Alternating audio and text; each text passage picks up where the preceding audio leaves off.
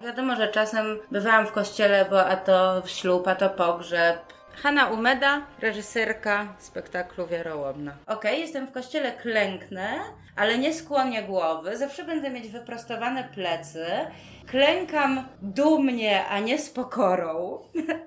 nie śpiewam piosenek, nie wykonuję żadnych gestów poza. żadnych właściwie. Mam zawsze spuszczone ręce. Jeżeli mogę zamiast klękać, siadać, to to robię. Nie, nie mówię tych rzeczy, które mówią wszyscy. I rzeczywiście ja zawsze bardzo na to uważałam. Też trochę dlatego, że miałam w sobie taki lęk, że jak nagle to zrobię, to kurczę, nie wiem, czy mi to wróci, czy nagle po prostu zdewocieję z powrotem, a może, a może nagle trzaśnie we mnie piorun, bo się okaże, że ten Bóg jednak jest i jest dla mnie zły, że w niego nie wierzę.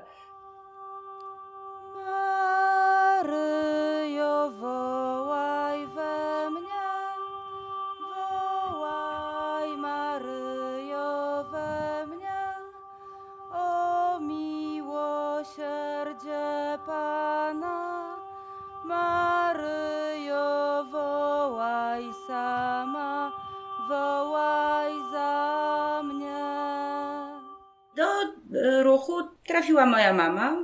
Ja miałam około 7 lat, więc też po prostu moja mama zabierała mnie ze sobą na spotkania, na które chodziła. Po prostu e, zostałam tam zaprowadzona i było to dla mnie czymś absolutnie naturalnym. Wszystkie też treści, które były nam tam przekazywane, pewien sposób uprawiania religijności, który był bardzo angażujący. No dla mnie, e, jak chodziłam na religię w szkole, to uważałam, że e, ksiądz katecheta po prostu mówi e, same płytkie i oczywiste rzeczy i w ogóle ja już jako ośmiolatka byłam, no, miałam poczucie, że jestem na dużo głębszym poziomie teologicznym niż to, co gdzieś tam mogę dostać w szkole.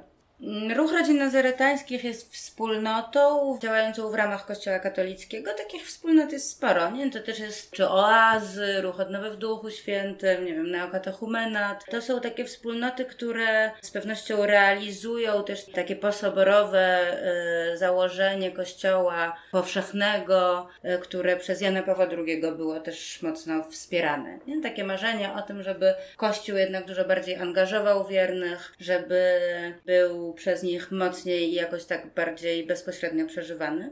I ruch rodzin nazaretańskich był jedną z takich, jest jedną z takich wspólnot, która powstała w połowie lat 80., założona przez księdza Tadeusza Dajczera, który podobno spowiadał się u ojca Pio miał takie doświadczenie spowiedzi u ojca Pio i później już jako mm, też spowiednik był mm, bardzo popularny. No, do jego konfesjonału ustawiały się kolejki i gdzieś z tego konfesjonału zaczęła powstawać wspólnota, która rozrastała się w latach 90., pierwszej połowie 2000. To było ponad 45 tysięcy ludzi w samej Polsce, a do tego jeszcze ruch rodzin nazaretańskich, w skrócie ruch, działał w 40 krajach świata mniej więcej.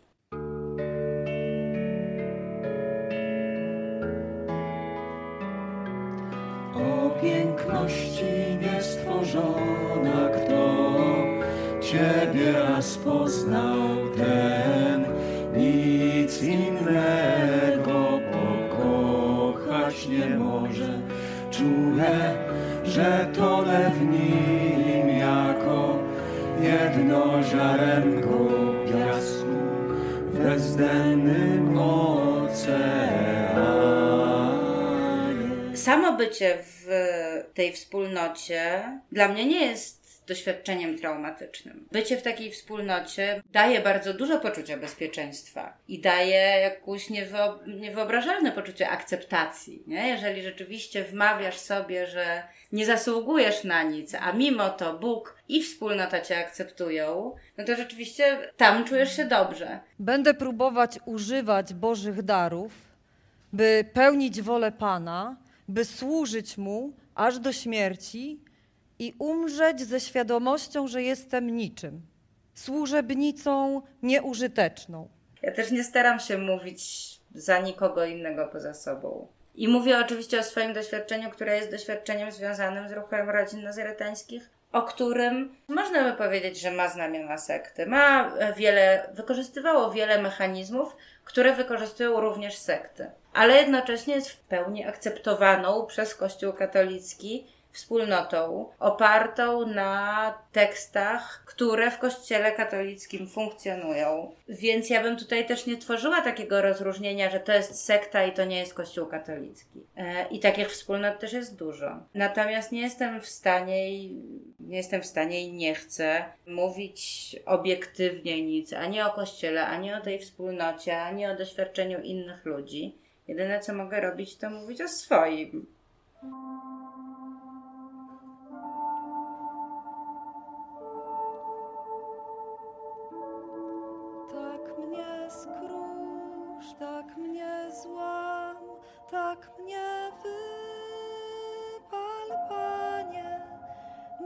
Został tylko Ty, byś został tylko Ty, jedynie Ty.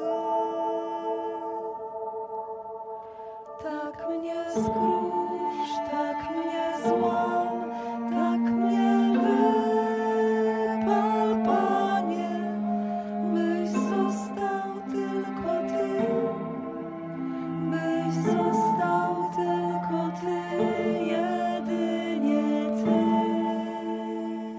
Posłuszeństwo kierownikowi duchowemu rozumiało się samo przez się, ponieważ też takim głównym założeniem w ruchu rodzin nazaretańskich było zawierzenie się Matce Bożej, czyli ruch właściwie oferował taką drogę na skróty. Zamiast przez całe życie starać się być jak najlepszym człowiekiem po to, żeby zasłużyć sobie na niebo, wystarczy uznać, że jak bardzo jestem grzeszna i jak bardzo ja sama nie potrafiłabym sobie na, niebo, na, na zbawienie zasłużyć, ale w tej swojej bezradności i, i grzeszności mogę poprosić Matkę Bożą, żeby działała za mnie i przeze mnie i żeby to ona za mnie przeżyła życie tak, żebym po śmierci mogła pójść do nieba.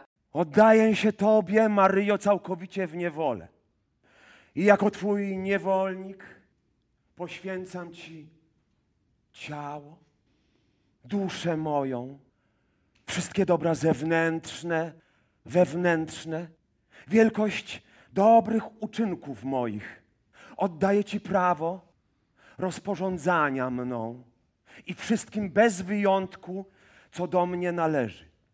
W ruchu często nam wskazywano jakby taki zbyt powierzchowny sposób wierzenia w Boga i przestrzegano nas przed tym. No taką ważną zasadą było to, żeby, żeby na ile to możliwe nigdy nie przestawać myśleć o Bogu. Trudno na pewno dziecku, ale myślę, że osobom dorosłym również e, myśleć o Bogu cały czas, ale bardziej chodziło o to, żeby mm, wprowadzać się też cały czas w jakiegoś rodzaju wyrzutu sumienia e, z tego powodu, z powodu każdego, każdego momentu w ciągu dnia, kiedy zajmujemy się czym innym i kiedy coś innego jest dla nas ważne. E, Dlatego też, że ruch rodzin nazaretańskich był bardzo mocno właśnie zbudowany wokół konfesjonału i, i wokół stałego spowiednictwa. To było też o tyle trudne, że e, w ruchu powtarzano nam często, że świat nas nie zrozumie, że świat nas będzie prześladował, jeżeli powiemy, będziemy opowiadać rzeczywiście o tym, w jaki sposób przeżywamy wiarę.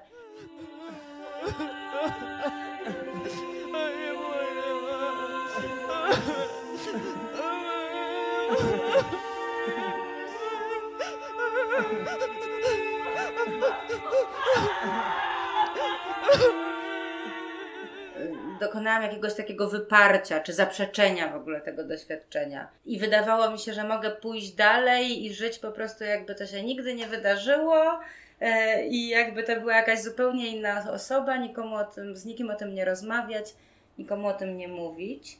I to rzeczywiście było trudne, bo jeżeli całe Twoje postrzeganie siebie i świata jest zbudowane na wierze w Boga i nagle dochodzisz do wniosku, że jednak tego Boga nie ma, a u mnie to się stało tak, że po prostu miałam, inaczej to się chyba nie mogło wydarzyć. Miałam objawienie, w którym Któregoś dnia, gdzieś na Mazurach, w trakcie rekolekcji, modliłam się przez kilka godzin w małym kościółku. Wydawało mi się, że nagle w ciemności spływa na mnie światło. Wraz z tym światłem usłyszałam głos, który powiedział: Boga nie ma, a nawet jeśli jest, to nie jest to Bóg miłosierny. Ja nawet swojemu chłopakowi, przez partnerowi, z którym jestem od 11 lat, nie mówiłam przez wiele lat o tym, że byłam wierząca i że byłam w ruchu rodzin nazaretańskich. Kilka lat temu zostałam e, wyautowana. To znaczy spotkałam e, osobę, która też była w ruchu rodzin nazaretańskich i ta osoba przy ludziach, między innymi przy moim partnerze, powiedziała, że tam, o przecież się znamy z sekty. Ja pamiętam, że wtedy po prostu mnie zmroziło. Dobry wieczór, witamy Dobry wieczór. Państwa. Witamy Państwa. E, Za chwilę będą Państwo świadkami rytuału e, Hany Umedy i bardzo się cieszymy, że jest tutaj Pani razem Rytuału z nami. Bardzo apostazji. Apostazji. Tak, Rytuał. apostazji, rytuału apostazji, tak. E, Ja przynajmniej tak mam. Jestem przywiązana do jakiej, jakiejś tam rytualności, nie? do tego, że, że rytuał, że ceremonia coś wnoszą. I, I odchodząc z kościoła też trochę tego potrzebuję.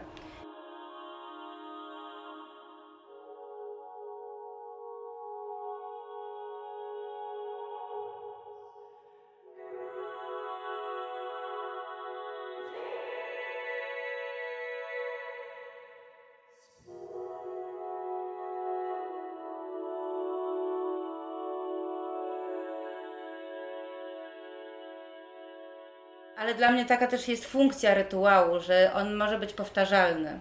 I my rytuałów nie musimy przeżywać. One nie muszą wzbudzać w nas emocji po to, żeby były skuteczne.